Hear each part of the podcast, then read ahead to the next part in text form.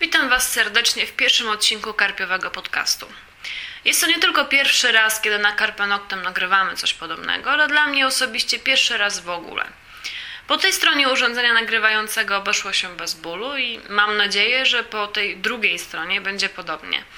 Materiał, który usłyszycie jest daleki od ideału, ale przynajmniej nikt nie oskarży mnie o przerost formy nad treścią. Z czasem będzie lepiej i tego się trzymajmy. Dlaczego zdecydowaliśmy się na podcasty?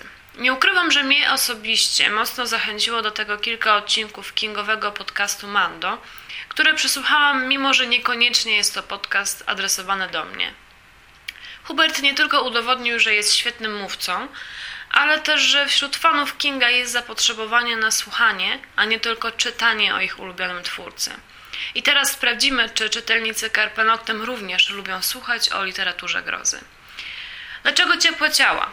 Interesuję się tematyką zombie i z prywatnych względów mam nadzieję jeszcze bardzo długi czas się tym zajmować i podrzucać Wam coraz jakieś przemyślenia. A jeśli ktoś się interesuje zombie, nie może przejść obok ciepłych ciał obojętnie, nawet jeśli z jakichś względów, zazwyczaj estetycznych, omija książki z gatunku Paranormal Romance szerokim łukiem. Karpenoktem już bardzo długo ignoruje tego typu książki, bo chociaż na początku były jeszcze pewne wątpliwości, jak w zasadzie traktować ten nowy nurt, teraz chyba nikt przy zdrowych zmysłach nie zaliczałby ich do horroru. Po takim wstępie pewnie spodziewacie się miażdżącej recenzji, w której zmieszam Mariona z błotem. Zaskoczę Was. Przede wszystkim, gdyby chodziło tylko o to, nie było bez sensu w ogóle zajmować się tą książką. Jaki niby mają nasi czytelnicy interes w czytaniu, tudzież słuchaniu o tym, jaki to kiepski paranormal romance właśnie się ukazał. Z miejsca zaznaczam, że jeżeli nie przepadacie za analizą literacką i uważacie ją za wydumane wynurzenia ludzi, którzy mają za dużo wolnego czasu, idźcie posłuchać sobie radia. Nie twierdzę, że to, co mam do powiedzenia, jest szczególnie głębokie, ale są osoby, które dostają drgawek po usłyszeniu kilku izmów, więc jeśli do nich należycie, cześć, miło było poznać. Do usłyszenia. Złym pomysłem byłoby też pewnie słuchanie tej audycji przed lekturą książki. Aczkolwiek ja czytałam ją znając zakończenie i wydaje mi się, że jak się zna nawet ledwie zarys fabuły i konwencję Paranormal Romance, bardzo łatwo można domyślić się finału. Szczegóły postaram się ograniczyć do minimum. W porządku, mamy wstęp za sobą, więc zajmijmy się tym, co w ciepłych ciałach jest dobre. Wielu pewnie się z tym nie zgodzi, ale uważam, że Marion miał naprawdę kilka ciekawych pomysłów i gdyby natura nie poskąpiła mu talentu, tudzież byłby na tyle rozsądny, by odłożyć pisanie tej książki do czasu, aż dorobi się lepszego warsztatu pisarskiego, z ciepłych ciał mógłby być naprawdę kawał dobrej, inspirującej prozy. Zacznijmy od tego, że nie da się podejść na serio do tej książki, o ile nie potraktuje się zombie jako metafory. Jeśli zaczniecie rozkminiać szczegóły anatomiczne i skupicie się na tym, co możliwe, a co nie, z miejsca jesteście przegrani. Ciepłe ciała nie są oparte na mechanice science fiction, gdzie zombie powstają pod wpływem wirusa albo promieniowania i naprawdę są na wpół żywymi trupami. Marion podszedł do zombie w sposób w pewnym sensie bardziej romantyczny i magiczny. To zresztą od razu widać po postaci kościstych, którzy najwyraźniej są chodzącymi szkieletami i nic, co bylibyście w stanie wymyśleć w duchu science fiction, nie może wyjaśnić tego, czemu się po prostu nie rozsypią w proch. Porusza nimi magia i to magia sprawia, że zombie są zombie. Owszem, mamy klasyczne ugryzienie o mocy zarażania, ale jest to chyba tylko kolejna metafora. Stan bycia zombie to stan zawieszenia między życiem i śmiercią. Już nie jesteś żywy, ale jeszcze nie jesteś martwy. To jakby zniszczenie opozycji życie-śmierć w taki sposób, że brak jednego nie oznacza automatycznie przejścia w stan drugiego.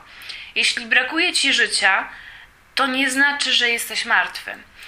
Tutaj pojawiają się zresztą pewne kłopoty, których chyba Marion dobrze nie przemyślał, ale które na pewnym poziomie jak najbardziej działają i pokazują wiele ciekawych rzeczy. Zombie to martwi poszukujący życia, a w świecie ciepłych ciał odnajdujemy też teoretycznie żywych, którzy w zasadzie są żywi, ale jednak w gruncie rzeczy od zombie odróżnia je tylko stopień rozkładu. W książce objawia się to w opisach fizyczności niektórych ludzkich bohaterów. Na przykład ojciec Julii jest pokazany jako człowiek gnijący za życia. Dzięki temu zawieszeniu między jednym stanem a drugim jest jeszcze nadzieja. Co ciekawe, więcej nadziei można odnaleźć po stronie zombie niż ludzi. I tak jak u samego Romero, u Mariona zombie nieustannie porównywani są do żyjących, tworząc tym samym niepokojący obraz. Jest to też próba określenia, co stanowi o życiu, a co nie. R w pewnym momencie udaje żywego, paradując w makijażu i czystych ciuchach. Oczywiście kończy się to niepowodzeniem, nie da się udawać życia. To taka prosta, ale ładna krytyka konsumpcjonizmu. Mieć nie znaczy być. Takich szczególików u Mariona jest bardzo dużo i nie chciałabym przynudzać wymieniając je wszystkie, więc wspomnę jeszcze tylko o kilku. Ciekawym pomysłem była kwestia mózgów. U Mariona zombie zjadają mózgi, bo tylko w ten sposób mogą na ulotną chwilę powrócić do życia poprzez wspomnienia osoby, którą właśnie spożyli. W dużej mierze egzystencja zombie w tej książce jest karykaturą życia i gdyby Marion potrafił to lepiej opisać, mogłoby z tego wyjść coś naprawdę dobrego. U Mariona umarlaki ocierają się o siebie, czy wręcz stukają o siebie w groteskowej wersji aktu seksualnego. Siedzą przy kubkach zgniłej kawy, biorą ślub i adoptują dzieci. Nawet mają szkołę dla małych zombiaków. Tymczasem żywi uciekają od większości przejawów prawdziwego życia, bo dla nich się ono skończyło. Garną ich marazm i dekadencja, więc nie widzą sensu w kontynuowaniu tego, co nie jest już potrzebne do fizycznego przetrwania. Marion symbolicznie, tudzież na poły symbolicznie, bo przecież musiał wszystko szczegółowo wyjaśnić, przedstawia tę kwestię na przykładzie literatury. Dla Julii jest ona ważna i stanowi o przetrwaniu ludzi nie jako zwierzęcego gatunku, ale istot myślących. To bardzo ładnie ze strony Mariona, że postanowił tak wyraźnie podkreślić rolę literatury w naszym życiu i mam nadzieję, że w filmie będzie to również odpowiednio uwypuklone. Swoją drogą dobrze, że Marion nie wytłumaczył dokładnie symboliki imion głównych bohaterów, bo gdybym Gdyby tak było, popełniłabym sepuku. Całe szczęście przynajmniej w tym względzie zawierzył inteligencji swoich czytelników. Przejdźmy do minusów. Przede wszystkim, co to za pomysł, żeby narratorem był zombie? Marion próbuje to tłumaczyć, że niby z myśleniem u nich wszystko w porządku, ale nie mogą artykułować swoich myśli. Dla mnie osobiście to strasznie naciągane i mam wrażenie, że trzecioosobowa narracja mogłaby w dużej mierze uratować tę książkę. Nie byłaby wtedy może tak zabójczo dosłowna. Czasami w trakcie lektury miałam wrażenie, że wszelka publicystyka na temat tej książki nie ma w ogóle sensu, bo autor dobitnie i dosłownie pokazuje o co mu chodziło. To częste w literaturze popularnej, ale nadal mnie osobiście trochę boli. Nic nie jest pozostawione domysłom, nie ma żadnych sugestii, wszystko powiedziane jest wprost i jak najprostszymi słowami, żeby pokolenie MTV nie musiało zbyt dużo myśleć. Jeśli przez część książki coś znajdowało się w sferze domysłów czytelnika, Marion na koniec upewnia się, że wszystko zostało dokładnie zrozumiane.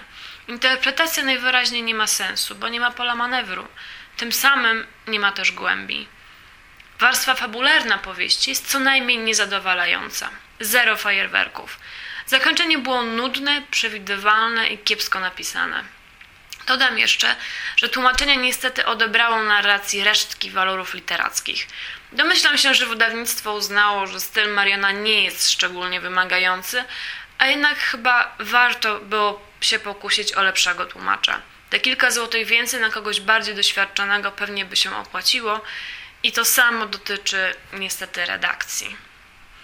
Tym smutnym akcentem kończę tę audycję i zapraszam do dyskusji. Jestem ciekawa Waszych opinii i sugestii zarówno w kwestiach merytorycznych, jak i technicznych. A więc do usłyszenia.